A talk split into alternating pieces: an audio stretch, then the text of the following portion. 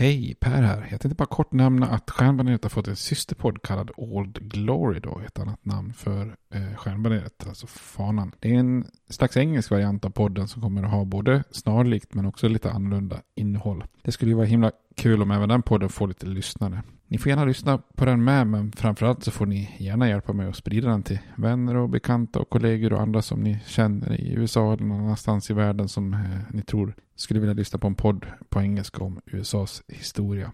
Tack, det var bara det jag ville säga. Nu kommer avsnittet. Hej då! Burrows furniture is built for the way you live. From ensuring easy assembly and disassembly to honoring highly requested new colors for their award-winning seating, they always have their customers in mind. Their modular seating is made out of durable materials to last and grow with you. And with Burrow, you always get fast, free shipping. Get up to 60% off during Burrow's Memorial Day sale at burrow.com slash ACAST. That's burrow.com slash ACAST. burrow.com slash ACAST. Hiring for your small business? If you're not looking for professionals on LinkedIn, you're looking in the wrong place. That's like looking for your car keys in a fish tank. LinkedIn helps you hire professionals you can't find anywhere else, even those who aren't actively searching for a new job but might be open to the perfect role. In a given month, over 70% of LinkedIn users don't even visit other leading job sites. So start looking in the right place. With LinkedIn, you can hire professionals like a professional. Post your free job on linkedin.com slash people today. Millions of people have lost weight with personalized plans from Noom. Like Evan, who can't stand salads and still lost 50 pounds. Salads generally for most people are the easy button, right? For me, that wasn't an option. I never really was a salad guy. That's just not who I am. But Noom worked for me. Get your personalized plan today at Noom.com. Real Noom user compensated to provide their story. In four weeks, the typical Noom user can expect to lose one to two pounds per week. Individual results may vary.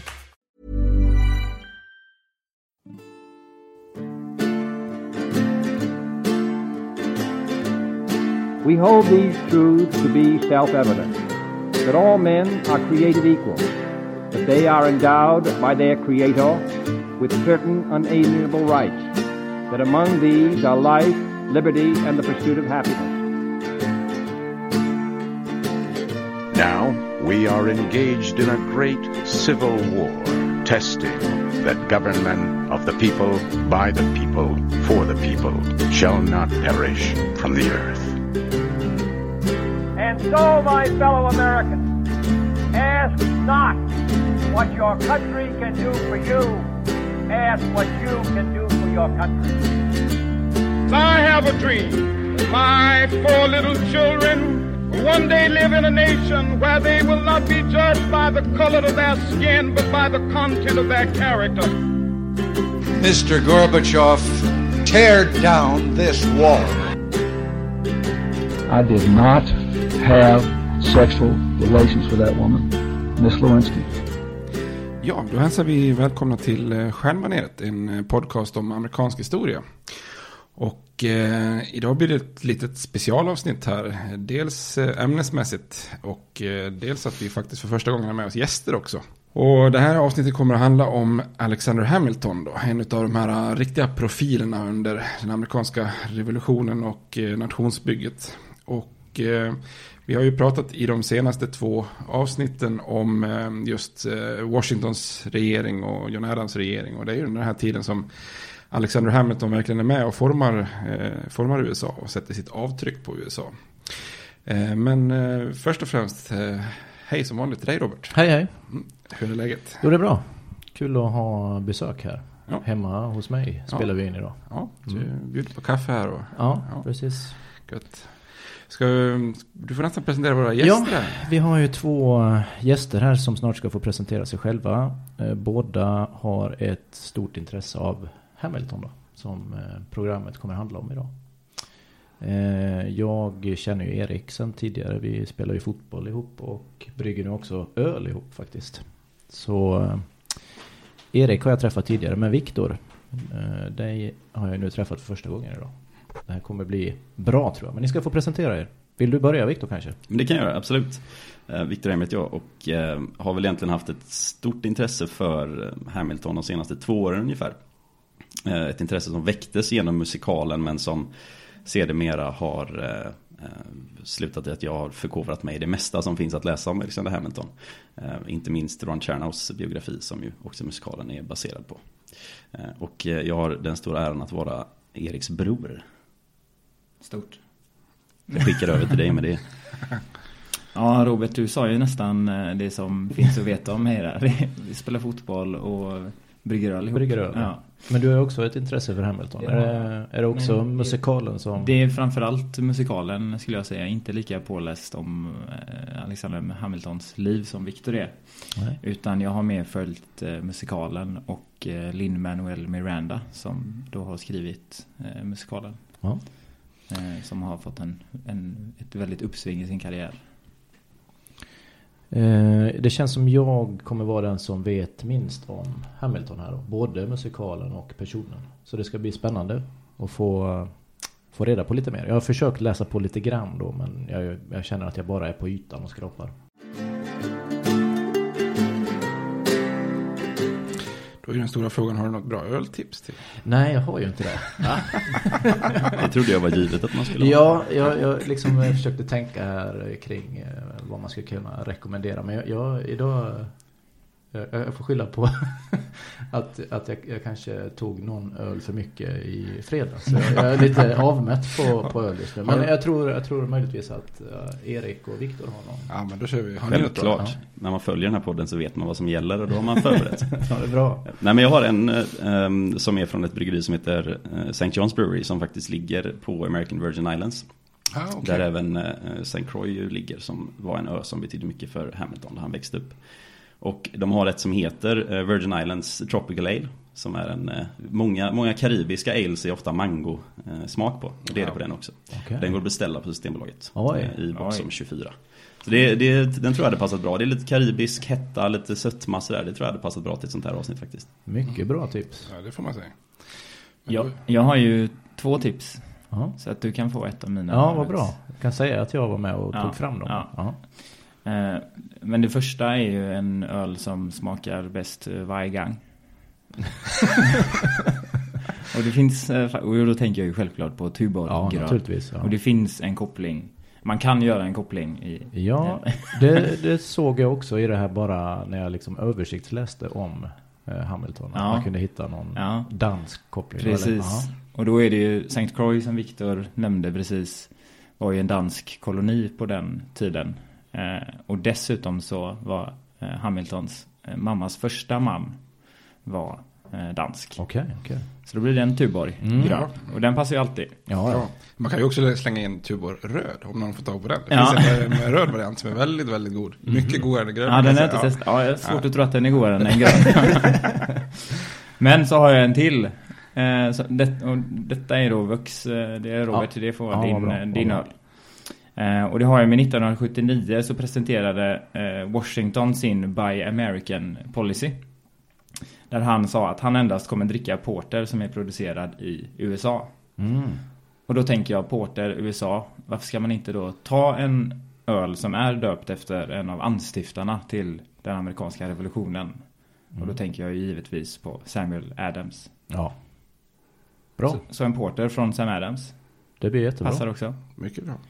De har ju en honey porter som är väldigt bra tycker alltså? jag. Ja. Ja. Om man eh, tycker om en liten touch av honung. Ja. ja.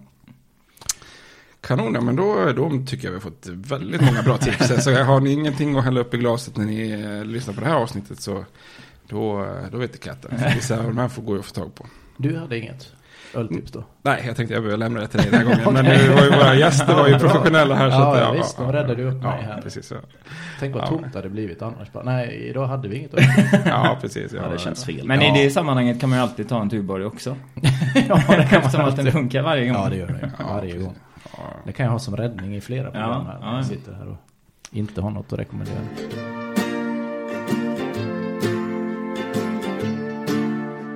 Jag tänkte vi går igenom Hamiltons liv lite från början till mål. Och eh, man kan väl nämna lite först vad det är som gör att han är så intressant. Och, eh, han är ju en väldigt central figur. Och framförallt kanske som finans, första finansminister. När han sätt, verkligen sätter, eh, sätter sin prägel på, på USA. Och eh, Han är ju också avbildad på en sedel, man brukar kalla sedlarna för Dead President. Så det är ju egentligen framförallt Hamilton och Benjamin Franklin som har varit med på sedlar som inte har varit presidenter. Och Franklin är ju den första kända amerikanen. Så att det är ju stort för att liksom bara vara på den biten då.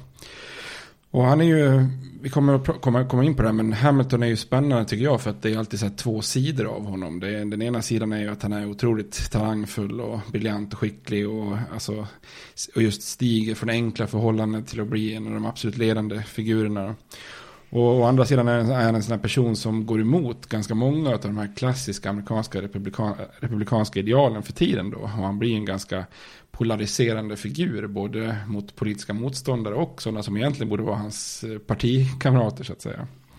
Eh, så han, men mycket av hans arv lever kvar än idag och har ju ett enormt eh, inflytande på landet. Då. Men om vi börjar med hans uppväxt. Nu har vi redan varit inne och avslöjat lite grann med Danmark och hans, hans, hans moder. Och ska man göra en lång historia kort så, så föds han ju i, i på det, alltså i Västindien där. Och eh, hans mamma är ju som sagt från, från Danmark, eller från eh, de öarna som tillhör Danmark vid den här tiden. Eh, och eh, hon är ju gift med en dansk från, från första början så att säga. Eh, och eh, jag tror att jag skrev ner att han heter Johan Mikael Lavien eller Ja, det stämmer. Johan Mikael. Ja, som, som bor på Saint Croix som är en del av, av Danmark då. Och eh, Hamiltons mamma och eh, den här Mikael får ju en son då. Men hon lämnar ju både man och son och, och drar vidare då till eh, brittiska Västindien, Nevins, eh, ön Nevins. Och eh, eh där så träffar hon ju en skotsk handelsman då, James Hamilton. Och får då, i förhållande med honom så får hon Hamilton och hans storebror då. och det här stökar till det lite för Hamilton att han föds liksom utomäktenskapligt. Eh, och om jag har förstått det rätt också så sticker ju den här James Hamilton sen för att han vill liksom bespara henne också lite grann det här eh, skammen där när, när han dansken, dansken vill mm. försöka få ut lite skilsmässa och, och sådana saker. Så att han drar tillbaks till, eh, till eh, Skottland. Eh, så hon stretar på där ensam med sina söner då. Men dör också hastigt då i en feber när, när Hamilton är 11 år. Men då, då, hon skildes aldrig från den första mannen? Eller? Jo, faktum är att hon, eh, hon lämnade honom, eh, mm. dansken. Eh, han var ingen trevlig man och även någon som Hamilton skriver, beskriver som en lyckosökande slusk i flera av sina texter. Um, så att hon lämnade helt enkelt honom. Men faktum var att hon till slut fick till stånd en skilsmässa. Men det var på hans efterfrågan. Mm. Och som en del av villkoren i den så fick han gifta om sig. Men hon fick inte gifta om sig. Ah, så därför då så mm när Rachel Fawcett som Alexander Hamiltons mamma hette träffar James Hamilton så kan de inte gifta sig. Ja. Ah, så det är därför jag det redan från början har han lite uppförsbacke mm. eftersom han föds som en, som en oäkting. Ja. Mm. Och många av hans fiender kallar honom ju för hor, horungen också. Yes. Så det, ja, det, passar. det, är något, och det är rätt intressant för att eh, Alexander Hamilton pratar generellt sett väldigt lite eh, om sin barndom och skriver lite om det också. Han, eh, det är ingenting som, som han är stolt över och, och, och eh, precis som Per säger så är det något som tas upp ofta mot honom. Eh, mm. Att han har, kommer från de här, den här bakgrunden då. Jag tänkte att det kunde vara tvärtom, att det var så här den amerikanska drömmen lite, kommer från botten. Man är lite stolt över den, att man har tagit sig då till toppen som man ändå gör. Ja, det, kanske om man ser den ur ett senare perspektiv så kan säkert många tycka, finna tröst i, i den, eh, den karriären så att mm. säga, helt mm. klart. Det som är intressant också angående eh, Alexander Hamiltons ålder är att det, man har tvistat lite kring vilket år han faktiskt är född. Eh, Alexander Hamilton själv skriver att han, att han är född 1757. Eh, han hävdar det vid flera tillfällen. Men det finns ganska mycket bevis som tyder på att han snarare är född 1755. Alltså två år tidigare. Och tittar man på Ron Chernow då som har skrivit biografin om Hamilton. Han konstaterar att bevisen talar nog mest för att han faktiskt är född 1755. Mm. Så att det var när han, när han kom till USA det finns ju flera teorier kring varför han ljög om sin ålder. Men en var att han gärna ville framstå som det här underbarnet. Och att han faktiskt då skulle ja, vara två år yngre än vad han egentligen var. Just det. Just det, just det. Ja, nej, det, det, och det verkar också ha funnits andra eh, faktorer kring att han ville framstå som i viss ålder för att kunna få jobb i tidigt skede och sådär. Mm. Så att, eh, men eh, jag tänker så här ibland när man ser sådana här historiska två år plus minus. Sen när han blir, när han blir gammal, i och för sig han blir inte så jävla gammal, men mm. det spelar inte så stor roll så att säga. Men eh, han, eh, i sin uppväxt där då så, så tas han ju liksom om hand av ett antal olika personer då. Och det är bland annat en, eh, en eh, handelsman på Nevins där, Thomas Stevens, som tar honom under sina vingar. och eh, och det har faktiskt funnits vissa spekulationer om att Stevens är hans riktiga pappa. Men det tror jag faller helt på sin logiska orimlighet. Så att eh, det, det kanske bara är någon som försökt att skamfila ryktet till senare. Mm. Men han eh, uppmärksammas i alla fall som väldigt talangfull i en tidig ålder. Och skriver texter som imponerar på folk. Och jobbar på de här handelsfirmorna och så vidare. Och det här innebär till slut att man eh, skramlar ihop lite pengar faktiskt. För att ge pojken en liten möjlighet att utbilda sig. Eh, vilket då gör att han lämnar Västindien till slut och hamnar uppe i eh, ja, fastlandskolonierna, då, dagens, dagens USA. Och han börjar med att läsa latin och grekiska. Och han blir så pass skicklig på bara sex månader att han kan skriva in sig då på Kings College. Eh, som vi nämnde i ett tidigare mm, avsnitt. Då. Det är ju numera Columbia University i New York då. Eh, och han skrivs in i maj 1774, vilket ju är viktigt för då är det precis när revolutionen då på fastlandskolonierna börjar verkligen liksom rulla igång där. De första striderna mm. kom ju året efter. Och det här är intressant tycker jag, hela den här uppväxten och bakgrunden. För att, som vi kommer komma till, han är ju kanske mer centralistisk och nationalistisk lagd än de allra flesta eh, av den här revolutionsgenerationen. Och, och, det kan man ju kanske förstå om man är uppväxt på Västindien och sen så kommer man till kolonierna först liksom som tonåring. Så då har man inte riktigt den här eh, känslomässiga kopplingen till en viss koloni. Även om man bosätter sig i New York och, och bor i New York eh, större delen av sitt liv.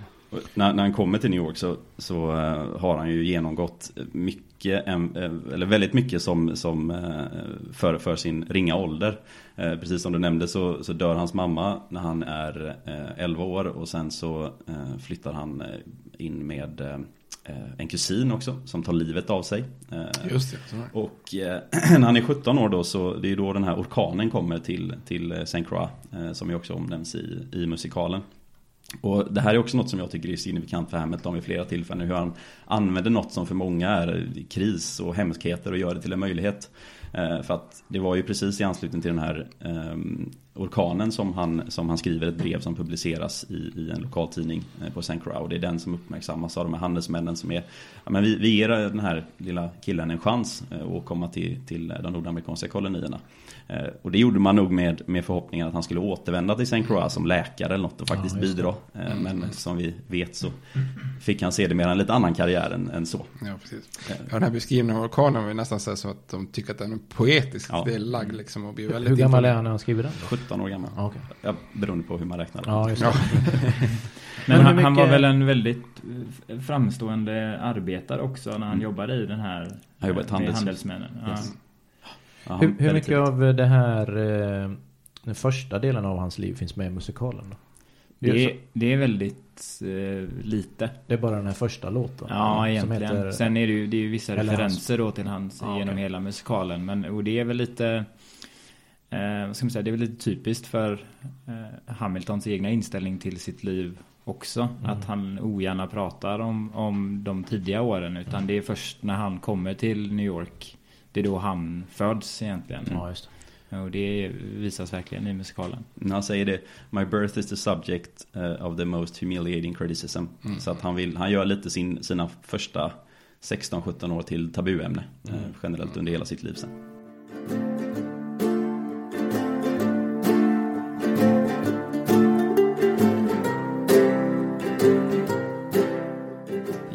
så det, då är han ju på plats då helt enkelt i eh, det som blir USA då. Och vi har ju pratat om det i de senaste avsnitten av den här översiktsserien här. Och de första striderna bryter ju ut vid Lexington och Concord 1775. Och han tar ju ganska snabbt värvning i någon form av lokal milis. Som ju är trupperna som vi också pratar om i vapenrättsavsnittet. Mm. Och han blir ganska snabbt vald till kapten och han deltar i de här striderna på eh, när britterna tvingar Washingtons armé bort från eh, New York-området där det är strider på White Plains och, och sen när han har flyttat över till New Jersey-sidan så är det eh, strider vid Trenton som han deltar i. Och han gör väldigt bra ifrån sig i ett slag vid Princeton då, 1777. Och det är väl lite grann där som George Washington får upp ögonen för den här talangfulla Hamilton då. Och eh, det slutar ju då med att han erbjuder honom en, en roll på hans stab då som, eh, som aide camp som det heter på engelska. Det, jag tror det är adjutant, mm. adjutant på, på svenska. Och, Eh, och han är ju egentligen, han suktar ju väldigt mycket efter att få bli hjälte i striderna. Så det här är egentligen inte riktigt vad han har sådär, riktigt tänkt sig kanske då. Men eh, Washington är ju liksom den absolut största hjälten där. Så att det, det är inte riktigt läge att tacka nej. Så att, Svårt att tacka nej. Ja, det är liksom en, och in, innan det så har han ju tackat nej till väldigt många andra erbjudanden. För han var ju väldigt eftertraktad. Mm, eh, men det var först när Washington kom och frågade. Personligen var det väl till och med. Så att, ja. Som han inte riktigt kan säga nej. Ja, precis. Ja, nej, han har ju äh, lärt känna många kända män från New York. Alexander McDougall är ju en och jag tror att han har, fick erbjudande att delta på hans stab också. Så ja. Men det slutar med att han gör fem år på Washington stab och jag kan tänka mig att han kanske med facit i hand inte ångrar sig i och med att han och Washington blir så pass nära vänner och i och med att han då kommer, sen kommer att bli finansminister när Washington blir den första presidenten. Så att eh, det är ju ingen dålig investering om man säger så. Då. Men han har ju den här brinnande liksom, känslan av att försöka bli hjälte. Då. Han tänker sig att det är det viktigaste för karriären, att vara riktig militärhjälte. Så att eh, när kriget börjar närma sig slutet så så vill han ju ha ett befäl i fältet. Och han eh, frågar ju Washington och han vill inte. Och till slut så går det ju så långt så att han hotar Washington att mm. jag, jag lämnar armén om inte jag får ett befäl här. Och mm. det till slut då så får ju Washington kanske säga, tänka att ja, det är nog bäst att ge han ett befäl då. Så att i den här avgörande, vi pratar om den avgörande striden vid Yorktown när man belägrar britterna eh, och där den här armén under Lord, Lord Cornwallis går under som egentligen innebär slutet på frihetskriget så där leder han en brigad i det, i det sista slaget och, och där lyckas han övertala folk att han ska få göra ett bajonettanfall, vilket ju är ganska drastiskt där. Och bara, man kan ju tänka sig själv bara skriva på mm. en, eh, en typ stor kniv på ett gevär och, mm. för att hugga liksom och börja löpa fram mot folk som skjuter mot en. Eh, ja, det kräver ju sitt mod och det är det han vill visa upp då. Och han är ju så ivrig här med att visa upp det här modet så att han är ju faktiskt den första när de ska inta en sån här redutt. Eh, sån här, typ eh, fyrkantigt litet försvarsverk eh, som brukar finnas i samband med belägringar och fort och sådär. Eh, så han är den första som tar sig över där och det är ganska många som skadas och dör där men, mm. i det här anfallet. Men Hamilton själv klarar sig oskadd och då antar jag att han har själv förverkligat sig själv om man säger så. Ja. Mm. Ja, det är många som vittnar just från de här striderna om, om Hamiltons mod och vad man kallar också för hans likgiltighet inför döden. Eh, att det verkar inte vara någonting som rör han i ryggen överhuvudtaget. Eh, han är så hungrig för den här krigsäran att, att han går bokstavligt talat över lik för den. En annan sak som jag tycker är spännande under just den här tiden med, vid eh, kriget är att, att eh, Worst, eller Hamilton lär känna väldigt många andra spännande karaktärer. Eh, som ju också får ganska stor plats i, i musikalen. I musikalen så porträtteras det genom att eh, det är en scen där de ses på en, en taverna eller en bar och, och dricker öl tillsammans.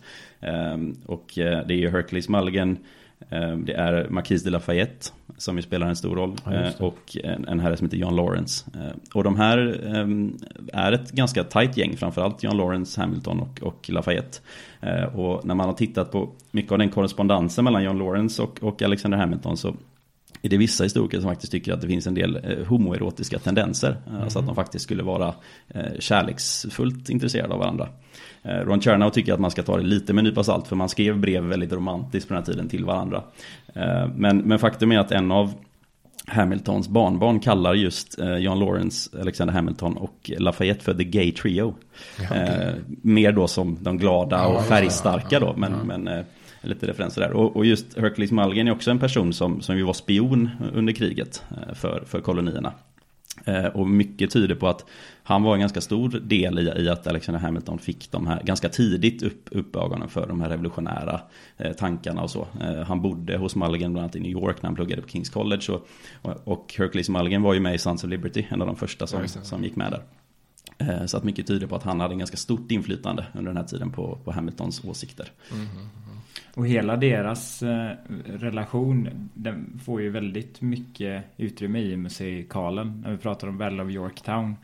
I musikalen så är ju det efter första akten eller precis innan eh, pausen. Jo, och, eh, och så att ja, men musikalen visar ju verkligen på att eh, alltså Hamiltons liv innan och det, social, det sociala i hans liv och hur han lär känna alla de här människorna och Aaron Burr kommer ju fram eh, i musikalen flera gånger vid, vid, den här perioden. Är han också med där i den där tavernan när de träffas då över en öl eller? I musikalen, I musikalen, I musikalen ja. Men det vet man ju inte om det har... Det har inte hänt. De träffades nej, vid okay. olika tillfällen ja, i livet. Men, men uh, Hamilton träffar Aaron Burr väldigt tidigt. Uh, redan han kommer till, till kolonierna. Mm. Uh, han börjar på Elizabethtown Academy först innan han börjar på Kings College. och där har Aaron Burr gått. och Aaron Burrs pappa sitter med i skolan. Och, och väldigt tidigt även där som så många gånger förr i sitt liv så imponerar Hamilton väldigt fort på just äldre, visa, lärda människor i hur fort han, han, han tar till sig saker och att han är väldigt vältalig och bra på att uttrycka sig. Så att ganska tidigt där så så springer han på Aaron Burr vid ett par tillfällen. Eh, och sen så är ju Aaron Burr lite av en förebild i och med att Burr också studerade väldigt fort. Mm. Han studerade på Princeton, eh, som Hamilton också faktiskt försökte komma in på, men det slutar på Kings College då. Men han har samma samma driv som, som Aaron Burr har. Så man, i ett tidigt skede där kan man tänka sig att de, de tydde sig en del till varandra och det porträtteras också i musikalen. Mm. Även om de då sedermera ska komma att hamna på två olika sidor och väldigt många olika konflikter. Mm.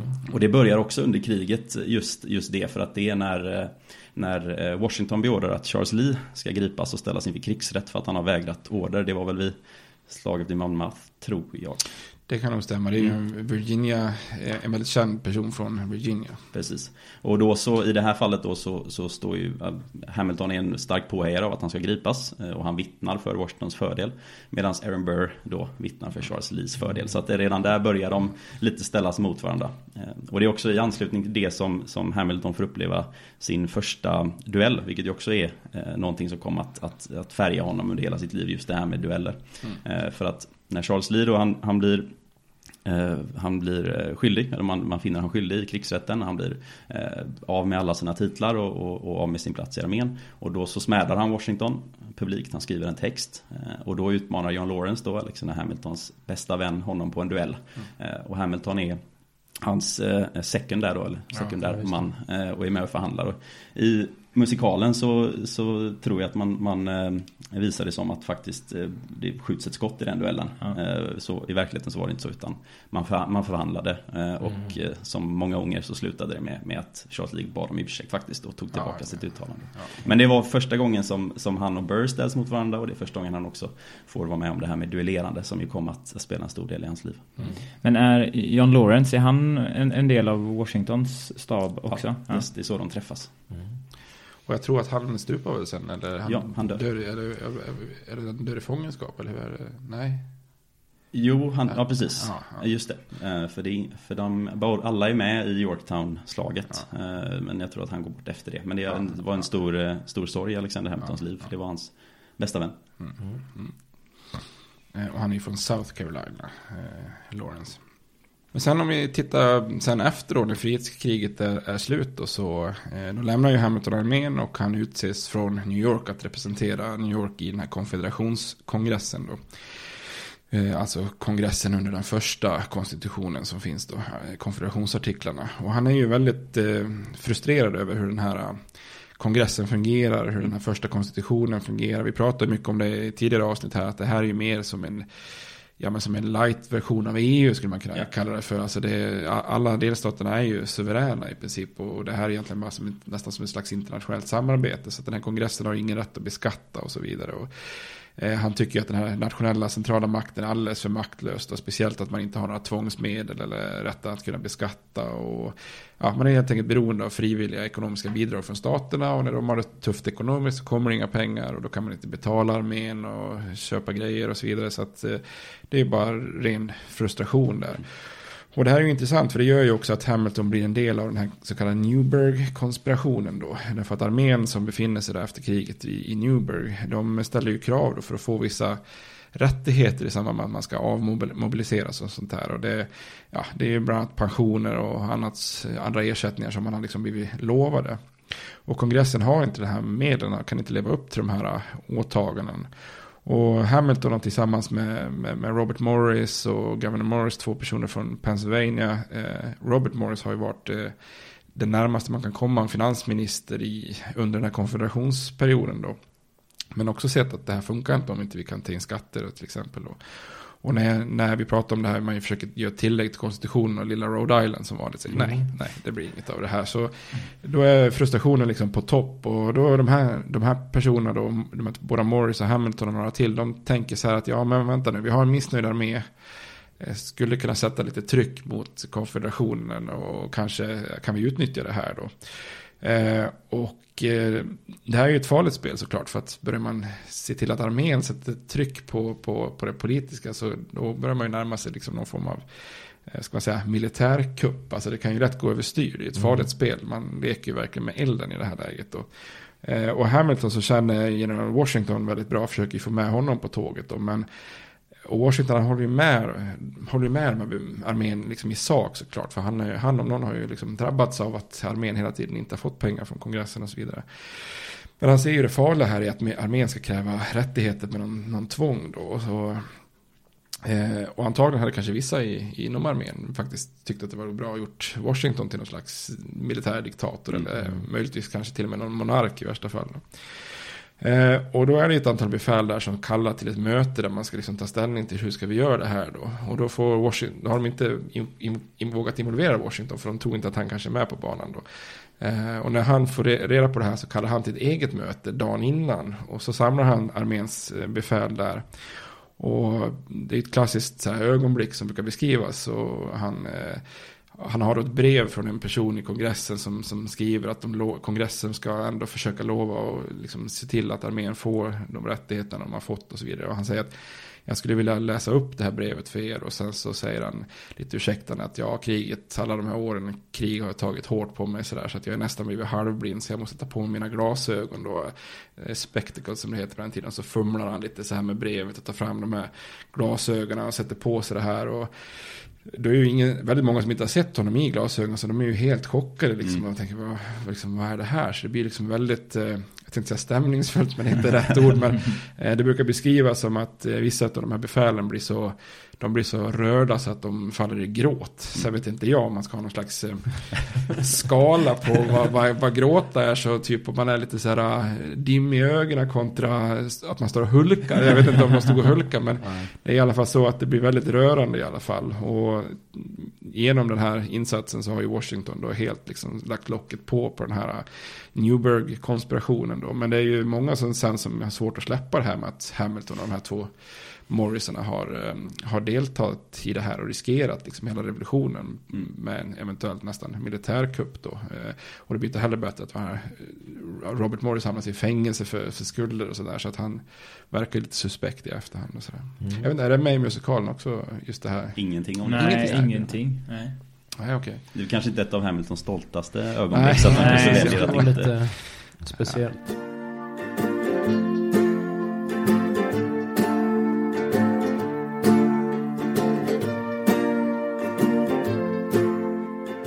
Sen efter, efter den här perioden då, så återvänder han till New York och börjar jobba som advokat. Mm. Eh, gör det här testet man behöver göra för att bli advokat.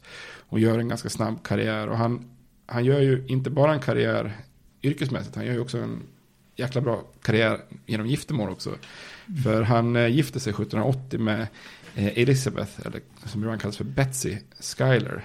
och, hans, och hennes pappa då, Philip Schuyler, var ju en av de absolut rikaste männen i hela New York. En av de här riktiga ledande familjerna i, eh, i eh, New York då. Och jag tror att hon kommer också från en motsvarande eh, väldigt känd familj med, med anor till, till och med från Holl, Hollands kolonin. Så att mm. Ja, det är en anglo, anglo-holländsk kunglig släkt faktiskt, ja. Skyler. Så att, ja.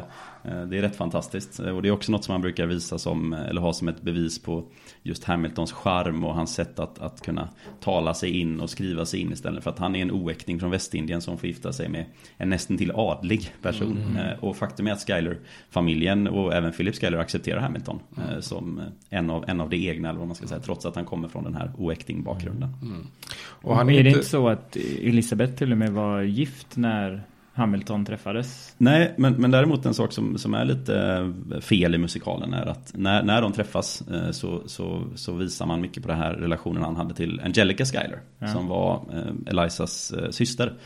Och det är mycket riktigt att så var det i verkligheten. De tydde sig verkligen till varandra och de, de skrev väldigt många brev till varandra. Eh, och Angelica Schuyler till skillnad från sin syster och Hamiltons fru eh, Eliza var ju mycket mer politiskt intresserad. Eh, och hon Mm. har gett väldigt mycket råd till Hamilton under hela hans karriär. Men hon var, i, i musikalen se som att hon var singel. Och att han lite väljer mellan de här två systrarna. Men hon var redan gift och hade två Så. barn när de träffades första gången. Eh, Hon var gift med en herre som heter John Barker Church. eh, Som eh, bodde, till störst del bodde de faktiskt i Storbritannien, i England. Och de flyttade tillbaka till England faktiskt efter kriget också. Och lite intressant att det var just Church som ägde de här duelleringspistolerna. Precis, just som kom att användas Ah. både när Hamiltons son blev skjuten och när Hamilton själv blev skjuten. Just det, just det. Ja, det pratade vi om lite. Ja, Ja, de hittade en liten finess på dem med långt Ja, senare. just sådär, det, ja. ja.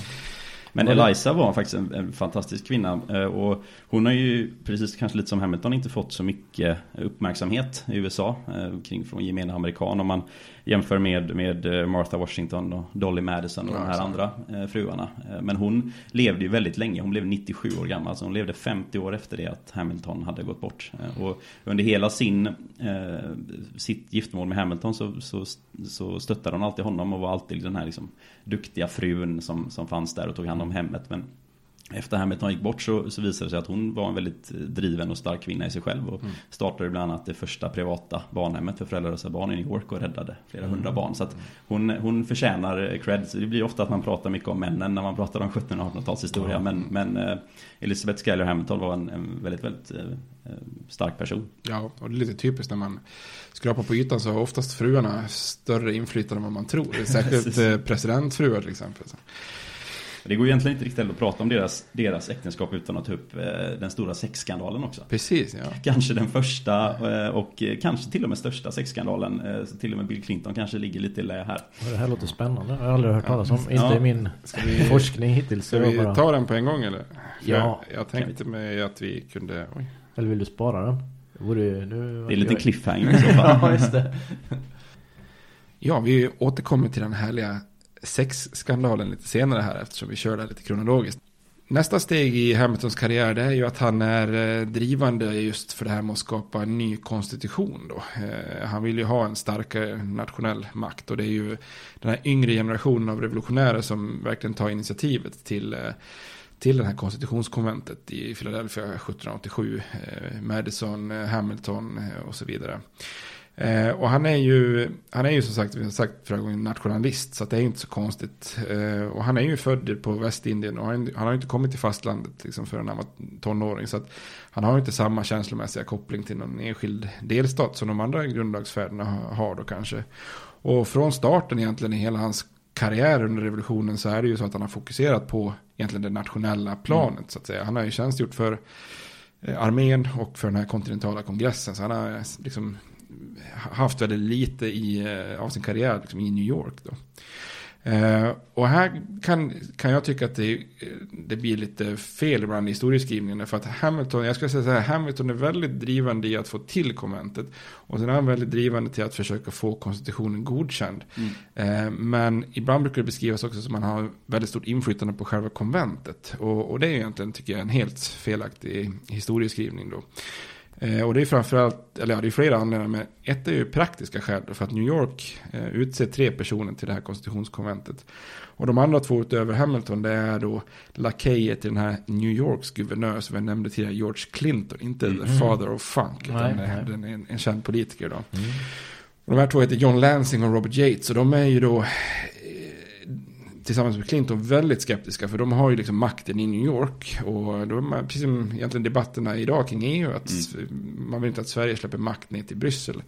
Eh, samma sak här egentligen. Man vill inte att New York ska behöva släppa makt till, till den centrala makten då. USA. Eh, Så att det här innebär ju att de här Lansing och Yates, de kommer och går lite grann på det här konventet. Och stundtals så är ju Hamilton själv från New York. Och det innebär att då har inte han en röst. För det måste vara minst två röster som, som för att rösta på olika förslag. Eh, Och är han inte själv då, så att någon av de här Lansing och Yates är där, så då blir det ju oavgjort. Eller att de har majoriteten och röstar så som Hamilton inte vill ha det. Mm. Så att eh, i alla omröstningarna så har ju, väger ju Hamiltons röst i princip i helt, ja, väger ingenting då. Den andra delen är ju också ideol, ideologiska skäl. För att Hamilton, Hamilton är ju visserligen en revolutionär och han vill ju ha ett självständigt självständigt USA. Då. Men hans vision för USA det är ju en väldigt stark centralstat. Alltså i princip så liknar eh, England då. Mm. Så han, det han egentligen motsätter sig är den här lite mer korrupta versionen av, av England som många revolutionärer har tyckt varit själva vägen mot eh, självständighet. Då är inte det egentligen det engelska politiska systemet i sig. Det tycker han är ganska, ganska bra. Han mm. uttrycker flera gånger att det är det bästa som finns. Liksom, att vi mm. borde försöka efterlikna det. Så han är emot monarki då, i form av ärvd makt. Men samtidigt vill han ha ett styre som, som liksom liknar nästan den, den engelska modellen. Och gärna då med mäktiga politiker som sitter väldigt länge. Och det här gör ju till exempel att han på konventet föreslår, föreslår att president och senatorer ska sitta på livstid till mm. exempel. Mm. Och i, det, i sådana förslag är han ju väldigt, väldigt, väldigt extrem. Han ligger ju liksom långt bortanför de allra flesta andra delegater i, i det där. De, de vill ju liksom ha hela tiden att man ska omväljas och ställas inför svars. Då. Eh, och ett annat bra exempel på hans väldigt starka nationalism är att han på konventet också föreslår att de här delstatsgränserna ska raderas mm. i vissa lägen. Då, till exempel presidentval, att man ska skapa nya distrikt. Liksom. Mm. Och där kan man fundera på om han är slug eller om han är dum. Liksom, för att eh, det kan ju vara att han vill liksom erbjuda ett sånt extremt alternativ så att det andra extremen inte blir så, så, liksom, så att man kan välja någonting mer i mitten. Att mm. det är liksom av praktiska skäl. Eller också är han bara liksom, ja, eller också tycker han det. Och då i så fall är han ju ganska unik eller ensam på hela konventet och, och tycker en sån här sak då. Så att själva konventet i sig har inte Hamilton sådär enormt stort inflytande på att, att skriva konstitutionen. Däremot så kämpar han ju enormt hårt för att eh, konstitutionen ska bli antagen. Mm. Eh, framförallt då i sin hemstad New York. Eh, och han teamar ihop sig då med Madison, James Madison från Virginia och med John Jay då från New York som kommer att bli den första chefsdomaren i högsta mm. domstolen. Och de skriver det som kallas för Federalist Papers och, och, det är ju mycket för att ha argument för konstitutionens antagande i Virginia och New York. För när vi pratar om det här att det ska ratificeras så mm. Så eh, det krävdes ju nio stater och, och Virginia och New York är, finns det egentligen en majoritet emot konstitutionen. Så att den, de som vill ha konstitutionen antagen får kämpa väldigt, väldigt hårt för att det ska bli så här då. Och de här Federalist Papers är ju otroligt vi kända och, mm. och analyserade in i minsta detalj och brukar räknas som kanske de, en, några av de viktigaste politiska papperna som finns i USAs eh, historia där. Faktum är att, att eh, federalistpapperna eh, har, eh, eller många, många tycker att det är den främsta tolkningen av, av konstitutionen. Och högsta, högsta domstolen i USA har, har citerat den över, över 300 gånger mm. eh, i, i aktuella mål. Då, eh, än till idag. Mm. Eh, så det är nästan det mest använda, eh, mest använda serien av uppsatser som, som finns. Och det är en av Hamiltons största efterlämningar. Man skrev ju 85 stycken artiklar tror jag och Hamilton skrev 51 av dem. Så han var ju väldigt, väldigt aktiv mm. för att för att försvara konstitutionen. Jag tror Jay han skrev bara några, ja, handfull så att säga. Resten är ju Madison och Hamilton. Han vill skriva sitt namn på, på det fall. ja, precis. Ja. Eller egentligen inte, för de skrev ju under samma namn. Ja. Ett, ett alias, eh, alla tre. Men, eh, och de här Federalist Papers, även om det är en väldigt eh, fantastisk insats, så är det också en sån sak som man kan lätt kan lura sig. För då kanske man tror att för alla de här Federalist Papers går ju ut på att man försvarar konstitutionen, att den är så himla bra så att säga och, och så vidare. Men och det kan man ju lura sig att tro att Hamilton tyckte att konstitutionen var bra. Men eh, det är ju också att ta det ur sitt sammanhang. För det här är ju liksom en politisk argumentation för konstitutionen där och då. Mm. Mm. Eh, tittar man på vad han själv tyckte om konstitutionen så som den varit utformad så är han ju inte alls speciellt nöjd. Han tycker den är alldeles för lite nationalistisk och alldeles för svag centralmakt. Mm. Däremot tyckte han ju att den var betydligt ett steg åt rätt riktning. Alltså betydligt mm. bättre än den gamla konstitutionen, konfederationsartiklarna. Mm. Men du hade The Federalist Papers brukar man säga. Men det, ja. det är inte egentligen... Nej, faktum är att, att um, överskriften på, på, uh, på samlingen är Federalist. Uh, a collection of essays in favor of the new constitution as agreed upon by the federal convention. Men det li ligger lite jobbigt i munnen så jag tror att man väljer Federalist Papers. Ja, men vi säger så från ja. Tur att vi lämnar det här nu. ja. Är, det, är den delen också central i musikalen? Eh, ja, eller det, man, man tillägnar en låt väl eh, till ja. den. Ja, som precis. heter eh, Nonstop, He's Nonstop. Ja. För det handlar just om hur, hur flitig han var. För att han jobbade heltid, som, precis som du var inne på Per, som, som jurist under den här tiden. Och hade en, en law practice på 100% samtidigt som han då skrev det här vid sidan om. Mm. Men i musikalen, eh, om jag minns rätt så tillfrågar han Burr mm. Om Burr vill vara med och försvara konstitutionen. Mm -hmm. Men Burr säger du är galen, det vill jag inte. Men är detta någonting som har hänt? det låter osannolikt. Alltså det är ju ett privat samtal som skulle ha skett mellan dem. Jag tror mm. inte det finns någon historia. Ja. ingen aning faktiskt. Nej. Nej. Vad skrev de under för alias, sa du det? Skriver de ihop det liksom? Jag kommer inte ihåg, men nästan alla sådana här politiska skrifter under revolutionen så skriver man aldrig i princip under med sitt eget namn. Mm. Sen kanske det ibland är väldigt uppenbart vem det är, men mm. de, de, har, de tar mycket sådana här eh, latinska, Cincinnatus, Brutus, eh, sådana såna namn skriver man under för. Och vi nämnde också i, när man började elda på den här retoriken med revolutionen så nämnde vi den här John Dickinson som skriver väldigt mycket eh, pamfletter. Och han skriver ju under med Letters from a Pennsylvania Farmer till exempel. Mm. Så man, mm. man skriver väldigt sällan ut sitt, sitt ja. namn helt enkelt. Och då, då använder de en alias för alla Federalists Papers oavsett vem som skrev dem. Ja. Så där har man faktiskt fått eh, i efterhand försökt att liksom Eh, jag tror att det är vissa av de här som man har varit lite så här, är det verkligen? Mm. Är det Hamilton eller är det Madison som har skrivit? Eller möjligtvis Jay. Men det, oftast säger man att man märker det på stil och, mm. och även deras korrespondens. För jag tror att de skickar lite fram och tillbaka där eh, mellan sig också. Men när blev det känt att det var de tre som skrev Federalist Papers då? Oh, det har jag faktiskt ingen aning om. Man hoppas att de fick lite cred under sin livstid för det i alla fall. Ja, det får man väl hoppas. Nej, jag kommer inte ihåg riktigt när, när det är. Det är ju vissa saker som publiceras mycket senare. Liksom. Till ja. exempel eh, Madison som skrev de bästa minnesanteckningarna till exempel mm. konstitutionskonventet. De eh, publicerar ju inte han förrän långt, långt eh, senare. För att ja. han tycker att det är liksom att ja, avslöja mm. diskussionerna för, för tidigt. Men så han är väldigt noga att sammanställa det sen för, för publicering. Men det kommer ju först en bra bit in på 1800-talet. Så okay. jag vet faktiskt inte när de uppmärksammar förrest. får vi kolla upp.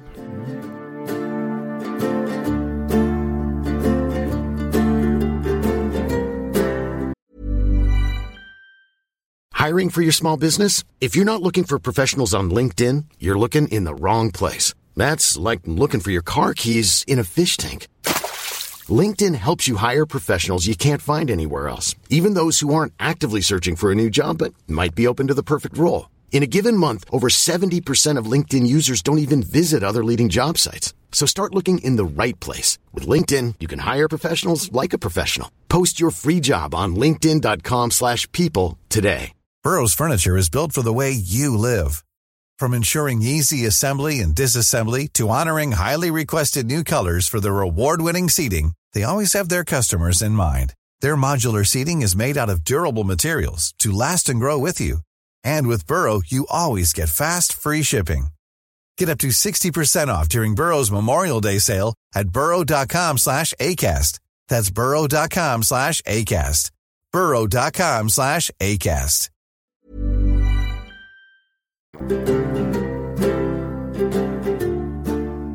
Men hur som helst, konstitutionen blir ju i alla fall antagen. Och eh, när, när konstitutionen går i drift där så väljs ju den första kongressen där eh, Hamiltons eh, gode vän Madison är med bland annat. Och eh, man eh, Washington väljs till första president och man skapar då tre stycken departement, varav det ena är finansdepartementet, det pratade vi om i avsnittet innan. Mm. Och det innebär ju att Hamilton blir landets första finansminister och näst efter presidenten då egentligen den viktigaste personen då. Och ska man säga någonting om Hamiltons arv så är det väl egentligen den här finansministerperioden mm. som är det han som, där han har sin allra största påverkan på, på USA då. Det är väldigt spännande för att det är mycket som tyder på att, på att Hamilton redan under kriget började fundera över det finansiella systemet. Alltså han nästan redan då började förbereda sig för sin framtida roll som, som finansminister. Och precis som, som med mycket annat så var han fascinerad av, av England och hur de gjorde det, Bank of England. Eh, och framförallt eh, hur man eh, lyckades Ehm, strukturer, hur man strukturerat kunde låna pengar, eh, hur man hanterade sina krediter. Eh, och det kom ju då att föranleda eh, kanske Hamiltons största efterlämning, det vill säga det, det ekonomiska systemet, inte minst skattesystemet i USA. Ehm, och han tittade mycket åt, åt Storbritannien, och, eller England och Bank of England när han då startade första centralbanken, Bank of the United States, som är någon slags föranlaga till Federal Reserve. Mm. Ehm, för när man bildar den här första, första eh, kabinetten och Washington tillsätts som president, då, då är ju det här ett, ett ungt land som nästan är bankrutt. Mm. Man har på nationell nivå en, en, skuld på ungefär 50 miljoner dollar, dåtidens räkning, det är väldigt, väldigt mycket pengar. Och staterna har tillsammans ungefär 25 miljoner dollar i, skuld. Och det Hamilton då vill göra är att han vill eh, uppta nationell skuld som man säger. Alltså han vill att all den här skulden ska läggas på landet istället för på staterna. Mm. Vilket då hade gett han en möjlighet att få en, st en större kreditlina med längre återbetalningstider. Eh, men framförallt att cent centralisera makten. Eh, mm. För att det betyder att du, alla räntor och allt och skatter ska samlas in till, till staten centralt och inte till staterna för sig. Mm. Och här var han ju som vid många andra tidigare emot Jefferson. Och Madison stod också på andra sidan av det här. Mm. Och Eh, det här att, att uppta eh, nationell skuld eh, föranleddes av, av det som kallas för 1790-kompromissen. Mm. Eh, eller som också kallas för the dinner deal ibland. Vilket också porträtteras i musikalen som en middag mellan, mellan Hamilton, Jefferson och, Madison. Ehm, för att under den här tiden så håller man också på att debattera vart huvudstaden ska ligga. Och dealen eller kompromissen blir helt enkelt att, att Madison och Jefferson stödjer Hamiltons förslag om att uppta nationell skuld mot att de får välja vad huvudstaden ska ligga någonstans. Mm. Och det här har Jefferson i efterhand kallats för sitt största politiska misstag. Eh, för att Hamilton visste ju mycket väl att, eh, och det uttrycks ju i musikalen med, det spelar ingen roll var vi lägger eh, nationens huvudstad för vi kommer ha banken. Mm. Så att väldigt fantastiskt. Och passar väldigt bra just i musikalen också att just att det, det var en middag, brukar man säga. Det var många, många icke-officiella förhandlingar under den här tiden. Men mycket tyder på att det var just den här middagen då där man skakade hand på det här. Ja, den har ju ägt rum i verkligheten, ja, precis, inte bara precis. i musikalen. Ja, och det, där är ju Jefferson själv, eh, han är ju väldigt missnöjd för, av liksom ideologiska skäl. Ja. Sen är det många i sydstaten som är väldigt glada ändå trots allt att, mm. Eh, eh, att huvudstaden hamnar där i, i gränsen mellan Maryland och Virginia mm. eftersom det då är slavstater. Och då, då kan du ha med dina slavar till huvudstaden när du tjänstgör utan att riskera att de kanske rymmer allt för lätt eller att mm. du ställs inför nordstatslagar så att säga. Det, jag tycker det är väldigt intressant generellt sett det här Jefferson och Hamilton, hela den eh, bataljen de emellan. Um, och mycket, mycket, om man tittar på när Ron Chernow försöker beskriva den här konflikten mellan dem så, så var det på ganska mycket, många olika punkter som man egentligen inte höll med varandra. För det första så var det ju så att när, när man bildade den här första regeringen så, eh, så är det ju utöver Washington tre personer. Det är ju Henry Nobb som är Secretary of War.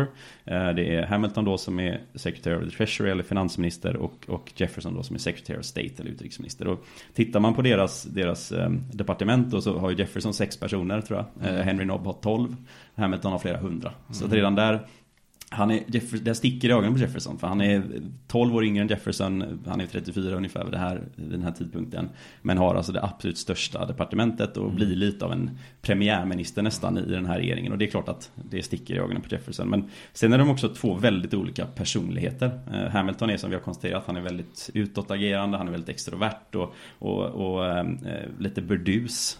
Sådär. Eh, Medan Jefferson är ska ha varit lite mer tystlåten, lite mer hövlig. Lite mer så att om du utmanar Jefferson så gör han en liten mental note och kommer ihåg det och hur han sen ska få göra det senare.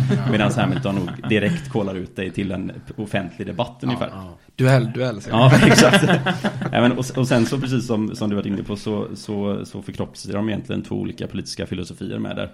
Hamilton vill centralisera så mycket makt som möjligt medan Jefferson tycker att ganska mycket ska lägga ut på staterna.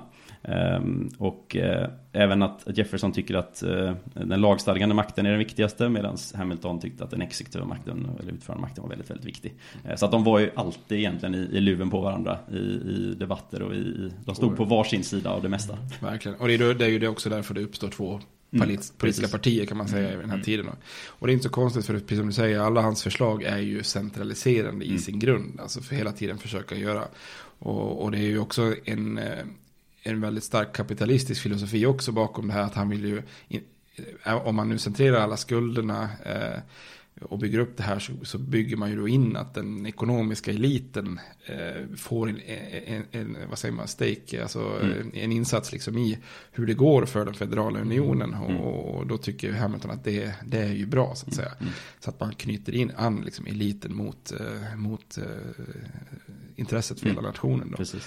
Och här är också intressant på något vis och jämföras bakgrund. För precis som du säger, alltså, Hamilton står ju för mycket av det här att mycket federal makt kontra delstaterna. Jefferson tror väldigt starkt på, alltså han kommer från Virginia, den mm. mäktigaste, största befolkningsmässiga staten. Liksom. Han tror väldigt starkt på delstaternas eh, makt gentemot eh, det centrala.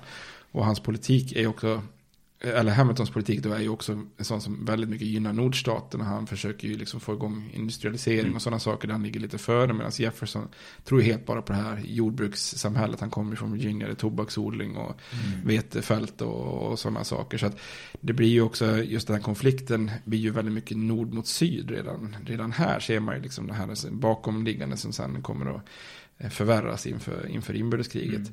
Mm. Eh, dessutom är det också en, alltså, en intressant aspekt när partierna uppstår. Så han är ju väldigt aristokratisk och elitistisk Hamilton. Ja. Medan eh, Jefferson är mer det här med enkelhet. Och så han, när han blir president 1800 då åker han inte häst och vagn till installation, han går, han försöker liksom mm. ja, göra presidentposten väldigt enkel. Och, mm. och, och det, här, det partiet som Madison och Jefferson grundar är ju lite mer inkluderande och demokratiskt lagt än det partiet som Hamilton är med och grundar. Mm.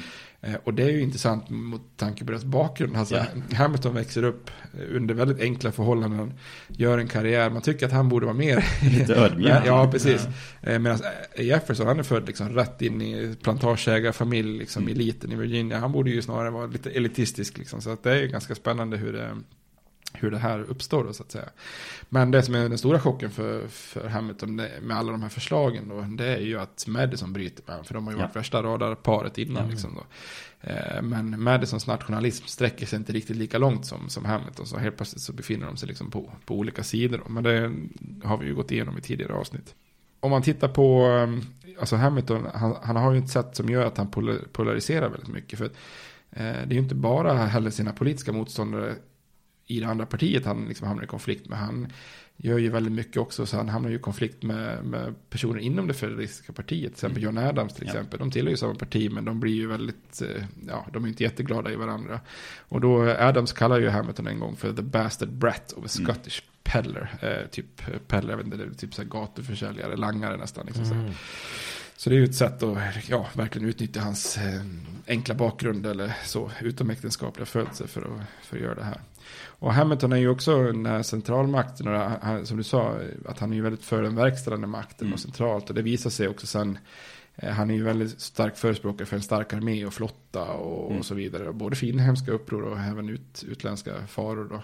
Så när han har infört en skatt på på whisky som vi också nämnde i tidigare avsnitt. Så eh, när bönderna gör protest där så då drar han ju ut tillsammans med Washington i fält igen. Då. Så han är ju pigg på det här med att, jag vill gärna dra i fält ja. liksom, och, och vinna och sen också när man i slutet på 1700-talet nästan, nästan är i krig med Frankrike då, under John Adams presidentperiod. Då lyckas han ju få Adams utse honom till befälhavare igen. Så mm. han, är, han är jävligt pigg på att bli en befälhavare helt enkelt. Mm. Och då blir jag ju sur på Adams för att han, det är sådana för kvasikriget och det är alltså att det nästan blir krig men ändå inte. Och då vill ju Hamilton ha krig. Mm. Eh, så när Adams lyckas förhandla så att det inte blir krig, då blir jag ju nästan sur för då fick han ju inte dra ut i fält och bli den här mm. krigshjälten egentligen. Så men det känns som han är, eh, alltså han kan allt, eller? Hamilton.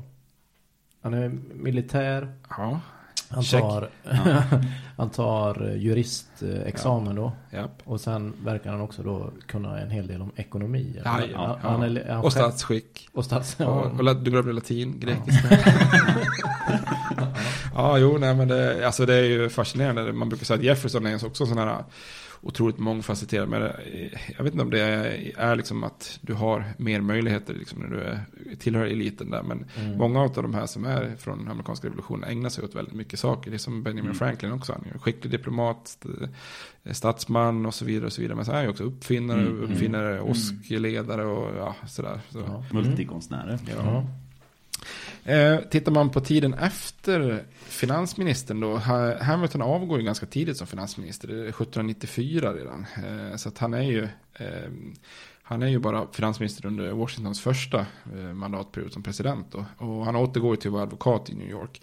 Eh, och ibland, det är lite olika det där, men eh, i och med att man får så, man har en ganska dyr livsstil. Många av de här revolutionärerna har en dyr livsstil, dyra gods som ska skötas. Så är du för länge i politiken så tappar du för mycket inkomst. Så mm. ibland måste man kanske tillbaka till det privata och sköta om det helt enkelt.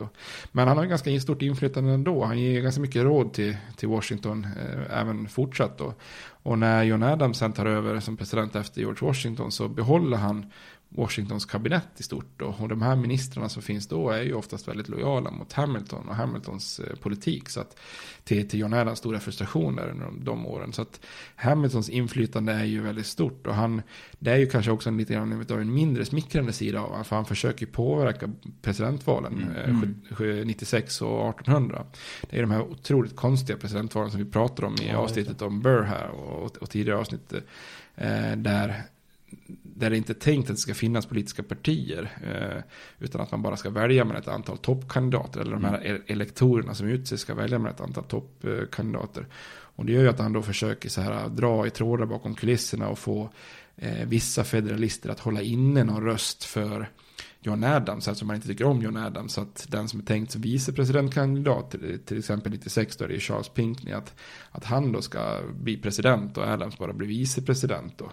Eh, och 96 får ju det här konstiga följder då, eftersom det blir det här konstiga att Adams vinner fast John Jefferson blir det, för att någon gör tvärtom mm. och så blir, får, får Jefferson vicepresidentposten då. Eh, och även eh, i valet 1800 så får han ju inflytande igen.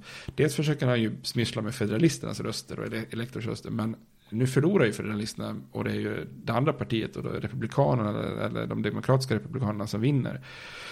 Men, och det är ju då det här konstiga dödläge upp, uppstår att Jefferson och Aaron Burr har fått lika många röster som vi mm. pratade om i avsnittet med Burr där. Eh, och då blir det lite konstigt för att då helt plötsligt hjälper han ju sin ideologiska yep. dödsfiende liksom, mm. eller nemesis eh, Jefferson. Därför att då är det det att han tycker att Burr, han är ännu värre liksom. Ja. Så, mm. så det, det, går inte. Så då får han faktiskt stödja Jefferson. Och det är ju, det är ju lite, lite grann lägger ju banan för, ja det är nästan man kan säga att han gräver sin egen grav. Ja, faktiskt. Bokstavligt talat kan man Man får nästan lite eh, House of Cards-vibbar över eh, Alexander Hamilton. Eh, just att han var lite den första whippen nästan. Så, alltså just det här med att fiska röster åt höger och vänster lite för att styra sitt eget politiska ja, spel. Ja. Så det går, undrar om han är lite baserad på Hamilton kanske. Francis Underwood. men, men vilken roll har Hamilton då? När han lägger sin röst på Jefferson? Är han rådgivare eller är han... Nej, nej, då har han egentligen ingen officiell nej. roll utan det är bara att han eh, påverkar de ja. som skulle kunna påverka valet genom att skriva brev och sådär. Och det är ju något av de här breven tror jag som kommer sen fram då till Burr så han får reda ja. på att du har skrivit så här om mig. Liksom det, det, det här är inte acceptabelt. Så att mm. säga.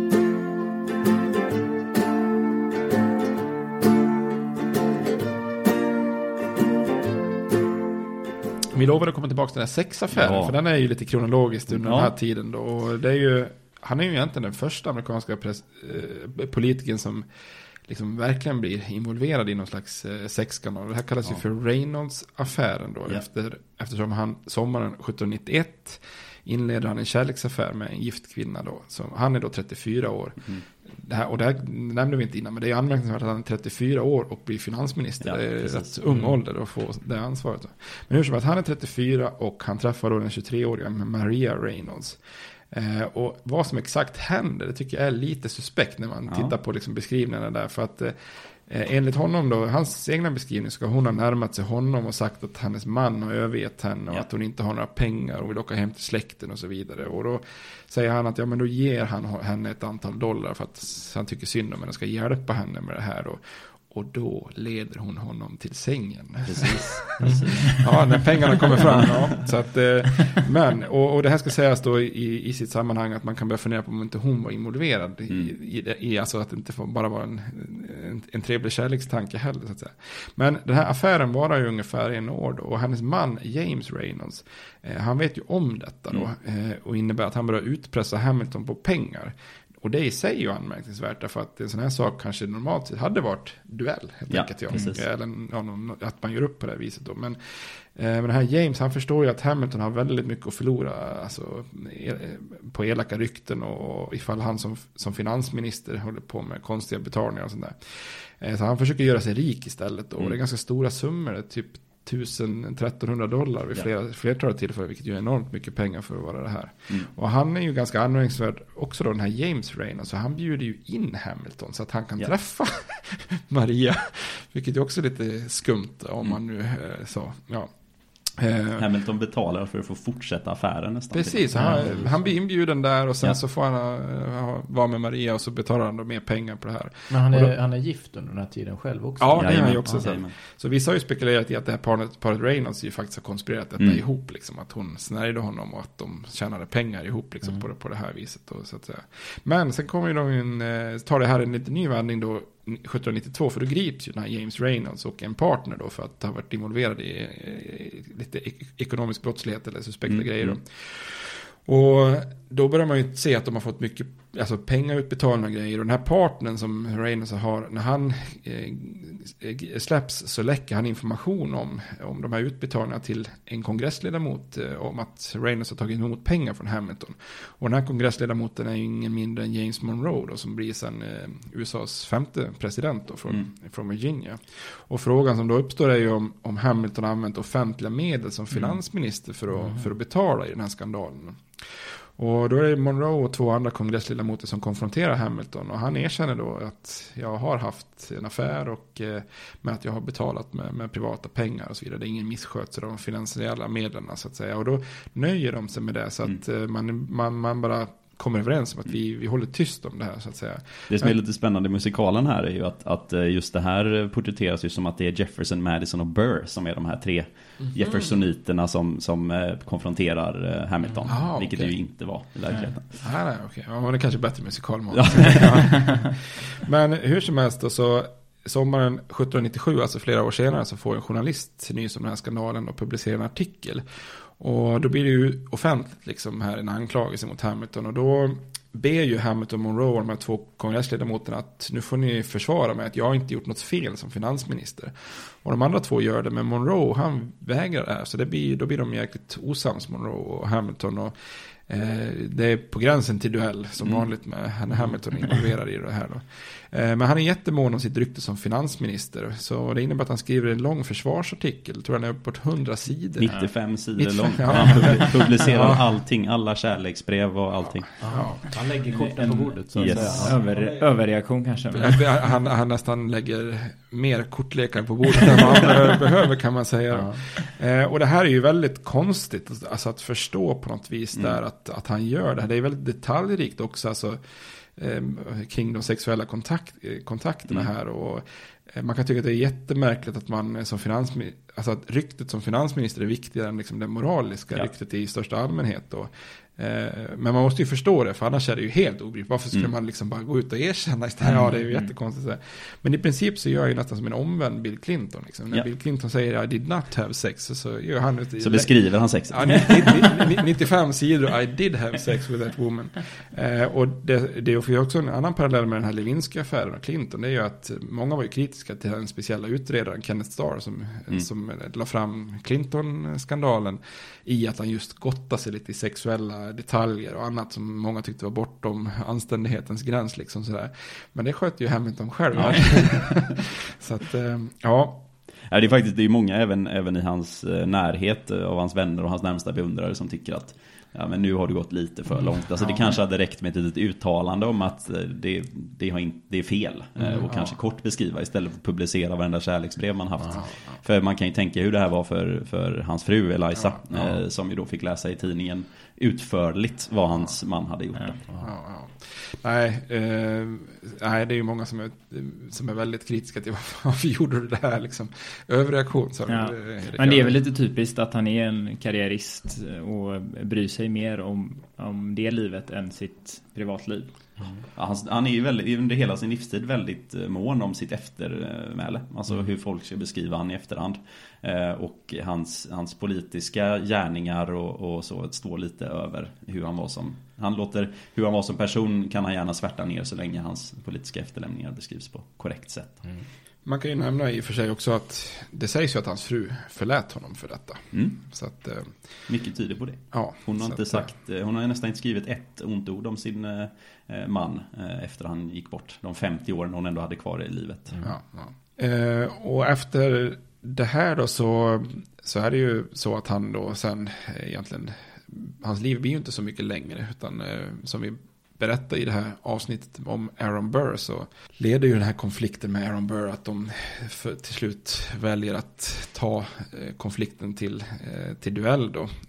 Så i den här kalla morgonen i New Jersey så i juni 1804 då mot Aaron Burr så så dör Hamilton, eller han blir skjuten av Burr och, mm. och dör då. Eh, och vi gick ju igenom den duellen ganska noga i det avsnittet. Och vi har ju nämnt det flera gånger, Hamilton han dras ju inte för att hamna i dueller också. Eh, jag vet, det finns ett så här känt tillfälle när han 1795 försöker försvara Jay-fördraget som vi pratade om i tidigare avsnitt. Mm. Eh, där många är kritiska mot det. Det är ju ett, ett fördrag med England mm. eh, som, som är väldigt gynnsamt för nordstaterna och inte så gynnsamt för sydstaterna. Och när han ska försvara det här Jay-fördraget på ett allmänt möte i New York så buar folk och kastar sten mot honom. Mm. Och då kan ni tänka hur reagerar Hamilton med det. Han utmanar helt enkelt flera på duell. Det blir ingen duell men han blir, ja, är, man ska inte kasta sten på dem. Det ska man ju för inte göra. Nej, det, nej. det, det, kan vi rekommendera att man inte ska göra generellt. Men det är ju ganska eh, anmärkningsvärt med tanke på att han, han förlorade sin egen son eh, i en duell. Precis. Um, att han ändå eh, går med på, på, på det här med, med Burr. Ja. Um, och det var ju precis som, som du var inne på att, att uh, Hamilton och Burr har ju egentligen genom hela sitt liv stått mot varandra. Uh, och det som någonstans får bägaren att rinna över är att Eh, just bör få till sig de här kommentarerna som Hamilton ska ha yttrat på en middag 1804 eh, och tycker att nej men nu räcker det. Eh, vid varenda politiska, så fort det gått fel för mig politiskt någonstans i mitt liv så är det alltid en gemensam nämnare och det är Alexander Hamilton. Så att någonstans tycker vi bör att nu räcker det. Ja. Ehm, och det, åsikterna går ju lite det är ju så här kring hur duellen eh, gick till. Eh, Hamilton eh, har ju eller det har beskrivits i efterhand att han gick dit med att han skulle visa mod genom att dyka upp och att han då skulle skjuta sitt skjuta rakt upp i, i luften. Mm. men, men Burr sköt ju honom då. Ja, precis. Ja. Och många spekulerar just det att han sköt upp i luften för att ja. normalt sett sköt man I ner i backen liksom så här, mm. och det kan ha lurat Burr som vi var inne på. Men Ja, det får man ju. Det, ja, det går ju lite grann isär. Ja, ja verkligen. Nej, men det är anmärkningsvärt att den äldsta sonen har dött ja. i en duell med samma pistoler. Samma, är också jättebra. På nästan samma ställe. Ja, och det är några år innan. Liksom. Ja, ja. Och det, det, var väl också, sonen utmanade väl någon annan på, eh, det var han som yes. var utmanaren. Yes. Och det var för, hade någon löj, löjlig anledning med en teater att göra. Nej, det, det, det som, som eh, Filip, ehm, hans son eh, duellerade om var en, en, eh, jag tror att det var en, en skolkamrat eh, som hade talat illa om Alexander. Jaha, så. så. att han skulle mm. försvara sin pappas ära. och utmanade då på duell och, och, i musikalen så porträtteras det att, att Alexander säger åt då Filip att han ska gå dit, skjuta i luften. Liksom, så, så kommer det gå bra, men att mm. han då, han blir också skjuten. Mm. Så det är väldigt, väldigt tragiskt. Ja, han, han, vet att den strategin kan Nej, precis, kan den har gått fel en gång tidigare. Ja. Och sen sägs det att, att efter då, han, han blir skjuten och han dör inte direkt utan han, han förs ju tillbaka till, till New York eh, och eh, ligger egentligen på sin eh, dödsbädd och, och förblöder. Han dör ju inom 24 timmar ungefär. Och det sägs då, eller det har berättats av, av hans fru Eliza Schuyler, att eh, Hamilton, att det sista han gör är att han radar upp alla sina barn. I musikalen så verkar det som att han bara har två barn, i verkligheten hade han sju barn. Mm. Eh, och han radar upp alla dem vid sängen titta på dem en och en och sen sluter ögonen för att han ville att barnen skulle vara det sista han såg eh, mm. innan han kan ju vara en efterkonstruktion men det låter, det låter som ett liksom, fint slut på, på ett, dram ett dramatiskt slut på ett dramatiskt ja. liv. Särskilt med lite sång i bakgrunden. ja. Och man kan ju verkligen fundera hur det hade gått om han inte hade dött. För han var ju en väldigt stark kraft för det federalistiska partiet i början av 1800-talet. Eh, eller ja, under slutet av 1700-talet. Och, och där, de, om man ska brukar räkna upp de tung, tunga namnen från bland federalisterna så är det ju Washington, eh, John Adams och Alexander Hamilton. Och, eh, alltså Washington han, han går ju bort ganska tidigt efter att han har klivit av presidentposten. Och mm. Eh, John Adams blir ju väldigt bitter när han förlorar presidentvalet 1800. Så han drar sig tillbaka. Så att, och av de här tre så är ju Hamilton den betydligt yngre som hade kunnat levt. Nu lever ju John Adams ganska länge ändå. Men han är ju inte så aktiv så i politiken på något vis. Så att här hade ju Hamilton kanske kunnat varit en kraft. För det här federalistiska partiet. De mm. återhämtar sig egentligen aldrig efter John Adams förlust 1800. Eh, de lyckas vara ganska starka liksom så här regionalt uppe i New England och i nordost med några år till. Men eh, under det här kriget 1812 till 1815 med britterna igen då så eh, är ju eh, de här nordöstra staterna väldigt kritiska. Så de, de till och med har en konferens i Hartford där man funderar på om man kanske ska lämna unionen. Och, mm. och då när freden kommer och Andrew Jackson har vunnit en stor seger i New Orleans och så vidare. Så då, då blir det här ganska skamfilat, så det kan de inte gärna göra och så vidare. Och, och efter det så återhämtar sig aldrig det här partiet, utan då är det snarare Jefferson och Madisons parti som är det enda som finns kvar. Och sen kommer det då i sin tur att splittras upp i två nya partier som blir det andra partisystemet. Men mm. här kan man ju spekulera i hur det hade kunnat gått ifall, ifall Hamilton hade kunnat varit en kraft fortfarande. Mm, absolut. Tittar man på hans arv då så är det ju det är ju anmärkningsvärt att hans politik lever kvar. Eh, och på kort sikt så lever den väldigt kvar starkt. Alltså det är ju en standard som man inte överger där i början på 1800-talet när de republikanerna tar över under Jefferson och Madison. Så då kan man tänka sig att det har varit en sån otroligt hetsk debatt att nu kommer liksom de att liksom göra andra lösningar än Hamiltons. Men de har ju sett att Hamiltons ekonomi och allt det här fungerar väldigt mm, bra. Så att mm. Eh, när de väl är i makten så, så är det inte så mycket de liksom egentligen raserar av Hamiltons ekonomiska politik då. Eh, på 1830-talet kom ju Andrew Jackson, en, en känd president, och han eh, ser ju till att den här centralbanken försvinner under mm. en period. Då, eh, då. Men eh, den kommer tillbaka efter inbördeskriget, och efter inbördeskriget så är det ju en väldig centralisering där den nationella federala makten får mer, mer makt. Så att det är ju, alltså Hamiltons synsätt lever ju väldigt mycket kvar då. Mm. Och även hans sätt att tolka konstitutionen då, när han är i den här konflikten med Jefferson så så, så har ju han en synsätt att på något vis måste målet helga medlen och att konstitutionen ska tolkas, man brukar kalla det lite brett eller, eller liksom liberalt. Och han eh, använder sig mycket av en paragraf i konstitutionen som säger att den federala makten får, eh, får göra åtgärder som anses vara necessary and proper. Mm. Eh, och det sätter ju en viktig eh, standard för att hans mantel tar ju sen över av eh, den här väldigt kända chefsdomaren John Marshall som tar över som eh, chefsdomare i högsta domstolen i början på 1800-talet och är chefsdomare under en väldigt lång period. Därför att han levererar ju ett, ett antal banbrytande domar som är just liksom nationalistiskt lagda. Mm. Eh, och eh, han bygger ju liksom på något vis vidare på Hamiltons resonemang. Eh, och det är först, först då till exempel som domstolen får befogenheter att säga att en delstatslag är emot konstitutionen och så vidare. Och kan man spekulera ifall det hade varit möjligt utan Hamiltons centraliserande politik och utan hans egentligen argumentation då. Mm. Och man kan också säga att han låg ju före sin tid på väldigt många olika sätt. Och det märker man också i omdömet av honom. Alltså, att, mm. alltså hans, hans, industri, hans vision om en stark industri som många motsätter sig på den tiden. En stark centralstat, att det ska finnas en permanent armé och flotta. Att välbärgade kapitalister ska liksom ha, vara allierade i styret med unionen. Eh, det är ju liksom mer en realitet hundra år senare yeah. än vad det är under, under den här perioden då. Eh, när han är finansminister. Eh, och mycket av det här lever ju också kvar idag. Så där kan man ju se så här, mycket av det Jeffersons arv lever ju också kvar. Men, mm. men just den delen av Jeffersons argumentation om att vara jordbruksnation och så vidare. Den, den dör ju liksom ut successivt på något mm. vis. Då. Så att eh, många, många av hans Eh, sätt att, eller många av hans åtgärder lever ju, lever ju kvar och, och blir ju bara starkare med tiden. Och det kan man se lite grann på hans omdöme. Alltså av, av de samtida då, till exempel Jefferson Adams, så var ju många oerhört kritiska mot honom. Och mm. såg honom som en principlös, eh, farlig aristokrat som nästan hade tendenser att förespråka monarkier. Eh, och under första halvan av 1800-talet så är inte Hamiltons rykte särskilt bra liksom. Och det, där har han ju också då sina politiska fiender i John Adams, Thomas Jefferson, James Madison och, eh, och eh, James Monroe. Alltså president 2 ja, mm. till 5 eh, är bland hans största politiska fiender. Så att, ja. att han inte var så samtida uppskattad kan man förstå lite. Nej, verkligen. Men sen runt alltså, slutet på 1800-talet och början av 1900-talet då börjar ju liksom då börjar hans rykte ta sig liksom. Då börjar man se att ja men vänta nu det han pratar om här, det är ju egentligen realitet nu. Och mm. den politiken han förespråkade då, som många var kritiska mot, det är ju nödvändigt nu, ser mm. man då. Eh, så att där, där är det ju verkligen liksom så att han får ett uppsving. Och jag tror att nu så, ja, läser du en bok om amerikanska revolutionen så kan det ju handla minst lika mycket om eh, Hamilton som Madison eller, eller Jefferson. Och, mm. och det finns ju en känd fransk utrikesminister, Talleyrand, som, eh, som eh, var bland annat samtida med Napoleon. Och han, han listar ju han säger då, epokens främsta män till exempel. Och det är ju i hans ögon då Napoleon, Charles Fox då, en brittisk politiker, och Hamilton. Och av de tre så håller han Hamilton främst. Mm. Så att, okay.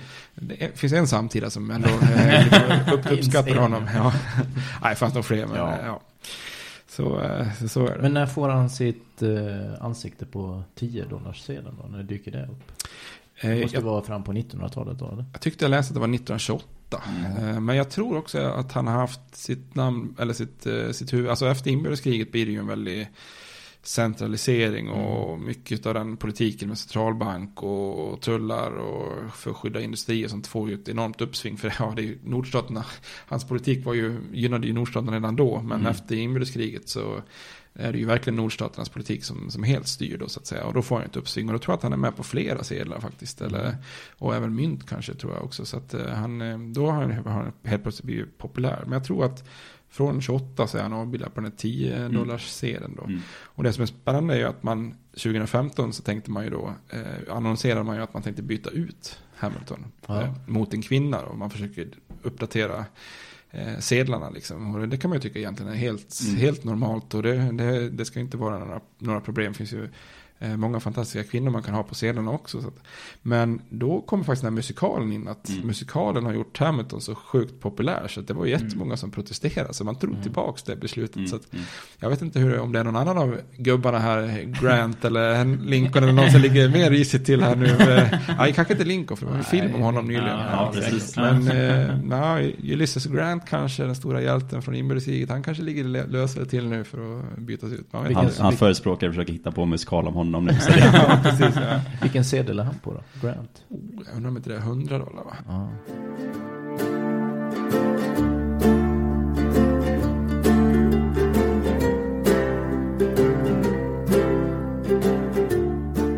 Ska vi säga något mer om musikalen? Den kommer 2015 då? Är det då den sätts upp första gången? Eller? Ja, precis. Ehm, och den sätts upp eh, off Broadway. Men ganska snabbt så kommer den in på eh, Broadway eftersom att den blir så otroligt populär. Och det hela börjar ju med att eh, Lin-Manuel Miranda läste den här självbiografin. Och såg att det här är ju en riktigt bra historia. Och eh, Lin-Manuel har sedan tidigare en, en framgångsrik Broadway-musikal som heter The Heist. Den är också off-Broadway kanske. Men eh, och så börjar han att fira lite på en musikal om Hamilton och så är han med på eh, Vita huset har ett poetry slam. Mm. Nästan som en open mic grej. Um, och Barack Obama sitter bland annat i publiken då. Så kommer han dit och kör en av de här eh, låtarna. Den mest eh, kända låten eh, från musikalen. Och det blir stående ovationer och det blir ett, ett jätteuppsving för Lin-Manuel Miranda. Eh, och fortsätta. Och det, redan där skapas ett bass. Jag tror att det var kanske 2012 eller något sånt. Men sen har den gått vidare och vunnit alla utmärkelser mm. man kan vinna mer eller mindre. Vunnit ett Pulitzerpris till och med i drama. Ja, okay. mm. um, och nu med så finns den ju i, uppsatt i Chicago uh, och Los Angeles också. Och sen i december så finns den, går den även i London. Och du ska åka och kolla på den i London? Ja, i juli.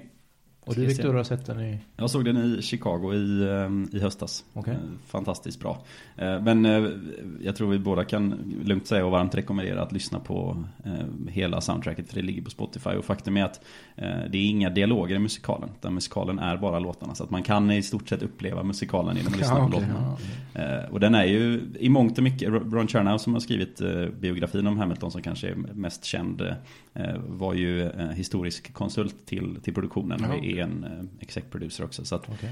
mycket är korrekt. Även om man såklart, som vi pratade om tidigare, det här med att det finns en scen där, där Hamilton träffar eh, Malgen, Lawrence och Lafayette mm. på en bar eh, mm. liksom, vid samma tillfälle. Så vissa saker är ju lite, lite sådär eh, ihoptryckta för att funka i narrativet. Men, mm. men eh, mycket är förhållandevis väldigt korrekt egentligen i mm. musikalen. Vilket är fantastiskt. Och det, det, är ju väldigt bra musik också. Det är inte den här typiska Broadway-musikalen utan det är ju hiphop och R&B inspirerat. Mm. Mm. Så att det är en, en, eh, vad ska man säga, en modern tappning på den här eh, histori historien om Alexander Hamilton. Eh, och dessutom så är det väldigt många olika typer av etniciteter som är med i musikalen och eh, som porträtterar då en tid där det bara var vita män som styrde. Mm. Och ett litet slagord som de använder flera gånger i musikalen är Immigrants we get the job done. Så det, det, är ju en, en, en, modernisering av den här historien. Mm. Det som är lite häftigt är att man använder olika musikstilar för olika karaktärer för att lite visa hur moderna de var. Så att mm. Hamilton, eh, han som spelar Alexander Hamilton eh, och, och, de låtarna som han gör är väldigt moderna. Eh, lite före sin tid, eh, precis som Hamilton var. Medan tittar man när, när eh, kungen av England är med så spelar han en väldigt så här, klassisk ja. eh, musikallåt. Liksom. Ja, okay. Lite så här, liksom, trallig sådär för att han ska då stå lite för det gamla. Mm. Samma sak när Jefferson kommer tillbaks från eh, från Frankrike ja. eh, och kommer tillbaka till politiken så gör han en låt som är lite så här, eh, 80-tals hiphop då för att han ska ha missat ganska mycket eh, när han var borta. Och den handlar ju, vad det där Miss heter i låten också. Ja. I practically missed the entire 80s som man säger. Eh, så att, ja, det var faktiskt väldigt snyggt gjort. Det är lite mer Grandmaster Flash. ja, exakt. Ja, det är mycket hommage till, till många, både moderna och, och klassiska hiphop-artister. Ja. Vilket är häftigt. Ja, det är coolt. Jag har hört några låtar, de är ju riktigt, mm. riktigt vassa. Får man säga. Och just om man lyssnar på texter, många av texterna är ju hämtade ur skrifter. Så att det är, eh, om man säger de orden som faktiskt Hamilton sa eller som Washington sa. Eh, vilket är väldigt häftigt. Bland annat så finns det en, en låt som heter eh, Farmers Refute som ju var ett, en pamphlet som, som Hamilton skrev. Eh, som då rappas istället där. Mm. Ja. Och det har ju blivit, eh, den har blivit jättepopulär, inte bara musikalen utan musiken också. Och det har lett till att de har släppt ett Hamilton mixtape. Som är, då är det etablerade artister som gör sina egna tolkningar av de här, många av låtarna som är med i musikalen. Eh, och då är det bland annat eh, Alicia Keys och eh, Kelly Clarkson, Chance ja, och en helt gäng med, med kända artister som är med och tillsammans tolkar vissa låtar. Kelly Clarkson har jag lyssnat på då. Hon ja. gjorde väl It's Quiet Uptown. Precis. Mm. Mm. Ja, är jättefin. Ja, mycket. Mm. Ja. Vi har ju tidigare rekommenderat de här, vad heter de, Historical Rap Battles. Ja, de är fantastiska. Ja, de är bra. Washington är med varandra. Jag såg faktiskt att det fanns någon där, när, jag tror att det är Snoop som gör Moses. det, det, är lite samma, samma, äh, eller, no, Moses. Ja. Mm. Borde det inte finnas någon om Hamilton också då? Ja, kan kanske. Det. Det. Men nu finns ju finns en hel musikal. kanske inte ska ge sig in där. Eller ja. som gör den. Ja, men det låter ju fantastiskt. Den borde man ju se. Alltså. Ja, ja, den är fantastisk. Men åkte, åkte, du till Chicago bara för att se den här? Eller hade du jobb eller någon annan anledning? Nej, vi var där på semester jag och frun. Men, ja. men eh, jag var tydlig med att uh, ska vi åka dit så ska vi se den. Ja. Uh, det är ju väldigt svårt att få, få biljetter i New York. Mm. Där den sätts upp originalet då. men det var inga problem i Chicago med några veckors framförhållning. Nej, okej. Okay. Och det är några av mina favoriter som jag måste bara tipsa om. Det är ju, eh, det är ju två stycken rap battles som är i musikalen mellan Hamilton och Jefferson. Ah, okay. Som heter Cabinet Battle 1 och 2. Som är väldigt, väldigt bra. Ja, då behövs det ju inget eh, ytterligare till där kanske. Nej, precis, verkligen. Ja, vad härligt. Ja, men då, får vi ju, har vi haft ölrekommendationer i början och nu har vi ju musikalrekommendationer. Absolut. Absolut. Ja, Ja men kanon, det har varit ju bra. Ni har satt en bra standard för ja, gäster i, i podden här direkt. alltså, så Att, eh, Stort att vara de första gästerna måste jag säga. Ja, verkligen. Vi sa ju det att ni borde ju kalla er för Sons of Hamilton. eller, eller någon form av Brotherhood of Hamilton kanske ska skapa det. Så att, eh, ja, mejla podden så vidarebefordrar vi det ifall ni vill skapa en förening med Erik och Viktor. ja. ja, har vi något mer eh, vi ska tillägga om Hamilton? Det känns som vi har fått med Väldigt mycket. Ja, verkligen. Vi har ju försökt ja. klämt in lite så här porträtt av revolutionärerna mm. i de senaste avsnitten här. Eh, men eh, gjorde vi inte det i det avsnittet när vi pratade om just Washingtons första regering. Och det tycker jag vi gjorde rätt i, för nu har vi ju ett riktigt bra, eh, väldigt heltäckande avsnitt. Ja, mm. får man säga. Mm. Ja. Och bra komplimenter, för man får ju rekommendera kanske att man lyssnar på avsnittet om Aaron Burr också. För Absolut. Där har man ju en, liksom en koppling till detta. Vi går igenom duellen mer och, eh, och till skillnad från eh, Hamilton av, av förklarliga skäl så eh, fortsätter ju Burr med lite politiska upptåg ja. även efter duellen. Mm. Bra, men då säger vi väl tack så mycket. Tack så mycket. Tack, tack. tack, tack. Hej då. Hej. States like these and their terrorist allies constitute an axis of evil. And if the hippies and the yippies and the disruptors of the systems that Washington and Lincoln, as presidents, brought forth in this country will shut up and work within our free system of government, I will lower my voice. If the impeachment provision in the Constitution of the United States will not reach the offenses charged here, then perhaps that 18th century Constitution should be abandoned to a 20th century paper shredder. Therefore, I shall resign the presidency effective at noon tomorrow.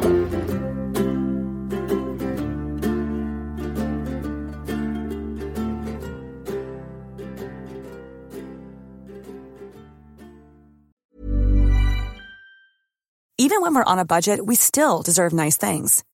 Quince is a place to scoop up stunning high-end goods for 50 to 80% less than similar brands. They have buttery soft cashmere sweaters starting at $50, luxurious Italian leather bags, and so much more.